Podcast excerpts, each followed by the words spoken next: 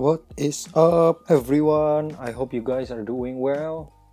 Selamat datang kembali di podcast Gospel of Truth. Untuk hari ini, uh, as you guys may know that this is Good Friday, Jumat Agung. Selamat Hari Raya Jumat Agung buat pendengar sekalian, pendengar yang sangat setia. Terima kasih masih mendengar. Thank you for tuning in.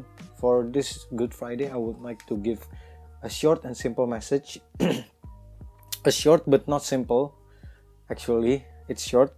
Uh, so I'm gonna give you straight into the word which is one of my favorite verses. Salah satu ayat Alkitab favorit gue yang ada di uh, Alkitab yaitu dari Roma ayat 8 eh Roma pasal 8 ayat 32 I'm gonna read you from the NLT first. Nanti gue bacain dari amplifiednya. Kita biasain bacanya dari banyak translation ya jadi kalau Roma 8 ayat 32 sebenarnya ayat sebelum ini sangat terkenal. Coba kita lihat. If God is for us, who can be who can ever be against us? Bila Allah di pihak kita, siapa yang dapat melawan kita? Tapi ayat selanjutnya orang kadang uh, gue nggak pernah dengar sih gue dikotbahin atau dikasih tahu tentang ayat ini. Kita lihat ya Roma 8 ayat 32. Since he did not spare even his own son, but gave him up for us all, won't he also give us everything else? Itu pertanyaan. It's a question. Won't he also give us everything else? Coba kita lihat di Amplified Bible ya karena gue gue suka juga translationnya ini Roma 8 ayat 32. He who did not spare even his own son, but gave him up for us all, how will he not also along with him graciously, freely give us all things? Now I'm gonna talk about this verse uh, pertama bagian pertama dulu klausa pertama ya. Do you, do you, do you guys know that sebenarnya nggak ada orang yang minta Yesus untuk datang. Nggak ada orang yang pada saat Yesus datang waktu itu 2000 ya, tahun yang lalu, nggak ada sebenarnya orang yang minta untuk seorang penyelamat, juru selamat yang menyelamatkan kita dari dosa-dosa kita dan semua kesalahan. From all sins, all guilty and condemnation, all guilt and condemnation. Sebenarnya nggak ada orang yang minta. Tapi Yesus datang dikirim oleh Tuhan. Makanya di sini dibilang he who did not spare even his own son. Gini loh. Misalnya kalian lagi jalan kaki nih ya. Kalian lihat ada pengemis. Yang kalian di kantong lihat di kantong kalian ada 5000. Nah, kalian mikir di dalam hati kalian, udahlah kasih aja. 5000 ini gak berharga buat gue, tapi buat dia mungkin berharga. Nah, that very act, that very thought yang kalian pikir kayak uh, ya udahlah, nggak apa-apa kasih aja. Gue gua lagi nggak butuh kalau 5000 nya itu maksudnya adalah you did not spare that 5000 for you. Kalian gak menyayangkan. Kalau misalnya di bahasa Indonesia Roma 4 ayat 32 ini he who did not spare even his own son ini sebenarnya bahasa Indonesia dia yang tidak menyayangkan anaknya sendiri. Dia itu Tuhan. So kalau kalian ngasih 5000 itu sebenarnya kalian tidak menyayangkan 5000 itu untuk kalian sendiri. Nah wajar kan kalau misalnya kalian tidak menyayangkan sesuatu yang sebenarnya kalian uh, kalian biasa aja gitu loh. Kalian nggak terlalu sayang banget sama halnya. Ya udahlah 5000 masih ya, bisa dapat lagi. Itu wajar gitu loh. If God did not spare misalnya orang-orang yang uh, uh, me mencaci dia. Misalnya kayak Sodom dan Gomora. God did not spare Sodom and Gomora. Karena apa? Karena mereka orang-orangnya tidak sesuai dengan tidak, tidak menjalankan sesuai perintah Allah segala macam. It, it is it makes sense kalau misalnya God did not spare Sodom dan Gomora.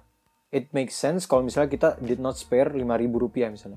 Tapi God di dalam ayat ini God did not spare even his own son. His own son. Ketika Yesus ada di bumi, ketika dia dibaptis oleh Yohanes Pembaptis, langit tuh terbuka dan Tuhan bilang ke dia, "This is my beloved son in whom I am well pleased." Dia bahkan membuka langit untuk Yesus dan dia bilang, This is my beloved son. He did not spare his own beloved son. Dia tidak menyayangkan anak yang sangat-sangat dia sayangi in in whom di dalam di mana Yesus uh, Tuhan itu sangat-sangat menyayangi Yesus. So it actually doesn't make sense. Karena dia tidak menyayangkan Yesus untuk kita. When in truth he loves Jesus. The Father loves Jesus. But he did not spare untuk apa? Lanjutannya, but gave him up for us all. he gave is he gave him up for us all kalau yang NLT tadi deliver deliver it to us all deliver to what sih sebenarnya dia ngirim buat apa sebenarnya biar Yesus jadi raja biar Yesus jadi kesatria dan pemenang di mana dia menaklukkan bangsa Romawi seperti yang diharapkan orang-orang Yahudi bahwa Mesias itu datang untuk menyelamatkan mereka dari penjajah. Apakah Yesus dikirim bukan buat itu? Certainly not. Yesus dikirim untuk apa? He was delivered for what? For shame, for sin, for being for being judged by people. Dia diadili, dia dicambuk, dia mati di atas kayu salib bahkan di atas kayu salib he, sebelum bahkan di sebelum di salib itu dia dicambuk dan diludahi dipukuli God did not spare Jesus and deliver him up to shame untuk dipermalukan. Bahkan di cerita sebenarnya misalnya kita nonton Passion of the Christ bahkan sebenarnya itu masih lebih jauh lebih parah dari itu karena Yesus itu di salib itu telanjang. So it is just utterly shameful. It is just beyond imagination what he did through what he gone through for that cross. Untuk melakukan apa yang dia uh, apa yang Tuhan perintahkan what God deliver him for. Tuhan gak mengirimkan Yesus untuk menjadi raja. He is king. He is the son of God. But he delivered it deliver him for us so that we can be delivered from our sins. Dan lanjutannya, this is what will bless you, I believe. How how will he not also along with him graciously give us all things? Guys, Jumat Agung itu mengingatkan kita tentang seberapa besar sebenarnya Tuhan tuh sayang sama kita. So, if you if you have something that you want ask God, what what do you want to ask? Kalian mau minta apa? mau minta pekerjaan, masa depan yang cerah, mau minta keluarga, kebebasan dari sakit penyakit, damai sejahtera, ya kan? kebebasan dari depression or anxiety or whatever it is. You remember this verse. If God gives Jesus for us, even if we don't ask Him, gak ada yang minta kayak yang tadi gue bilang, gak ada yang minta Yesus untuk datang sebagai juru selamat dari segala uh, condemnation and guilt dan give us eternal life bahkan gak ada yang minta sekarang how will he not give us all things and graciously lagi. Graciously means freely.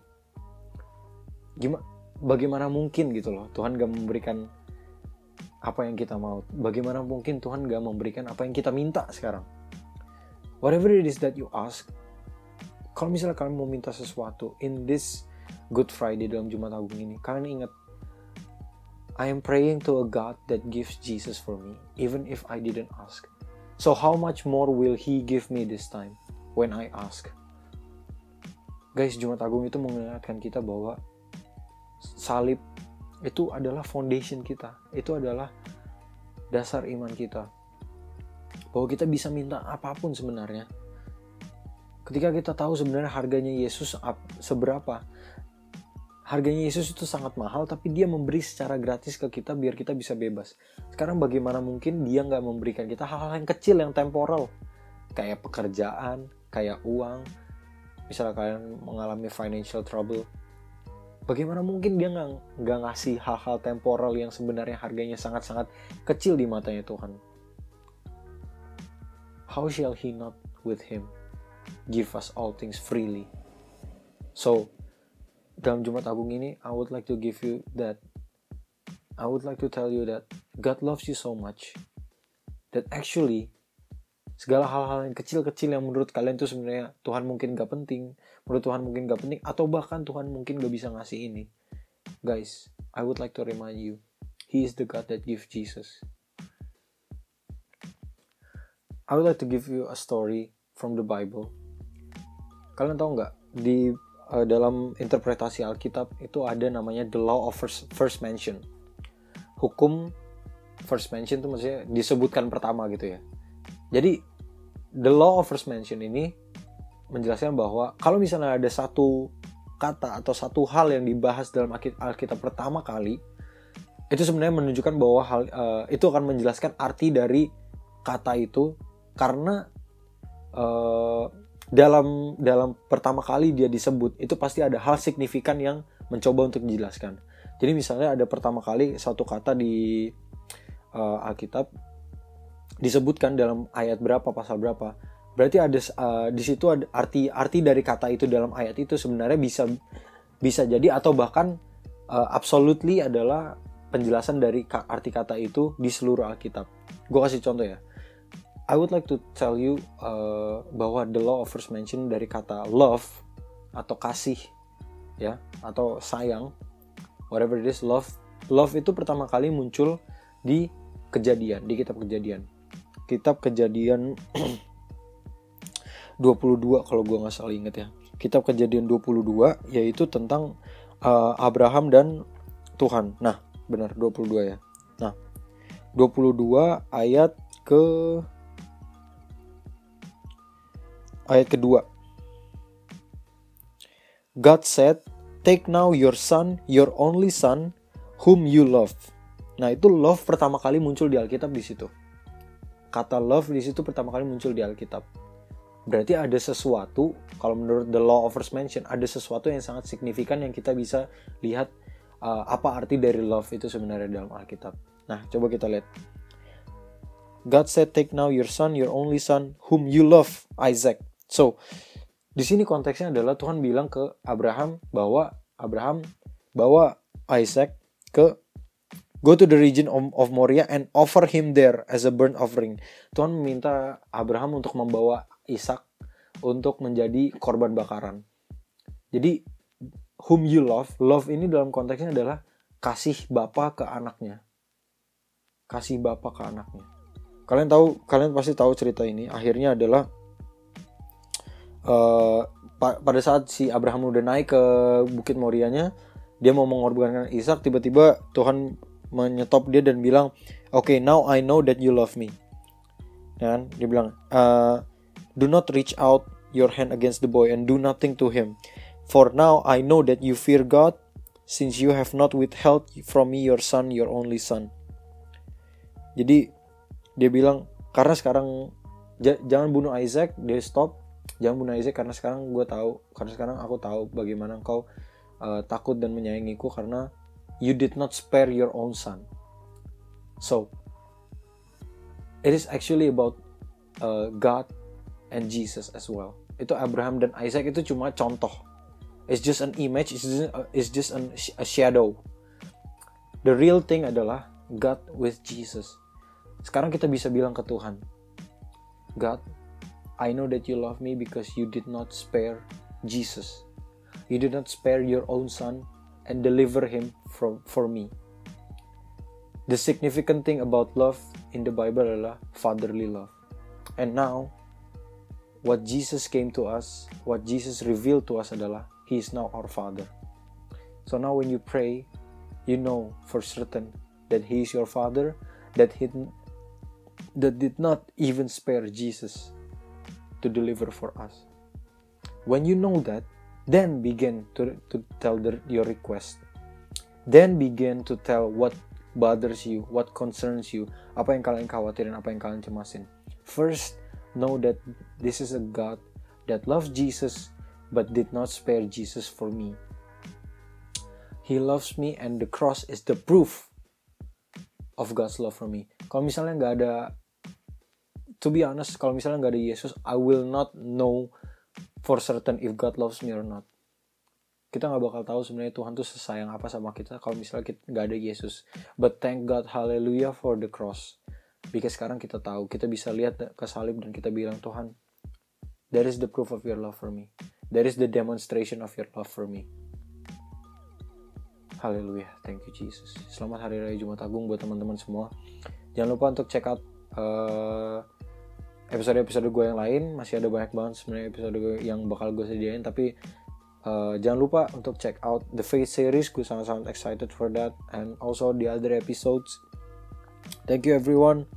Semoga you have a blessed you have a blessed uh, good Friday. Uh, I'm praying for you all uh, that and thank you for tuning in. So goodbye everyone. God bless you all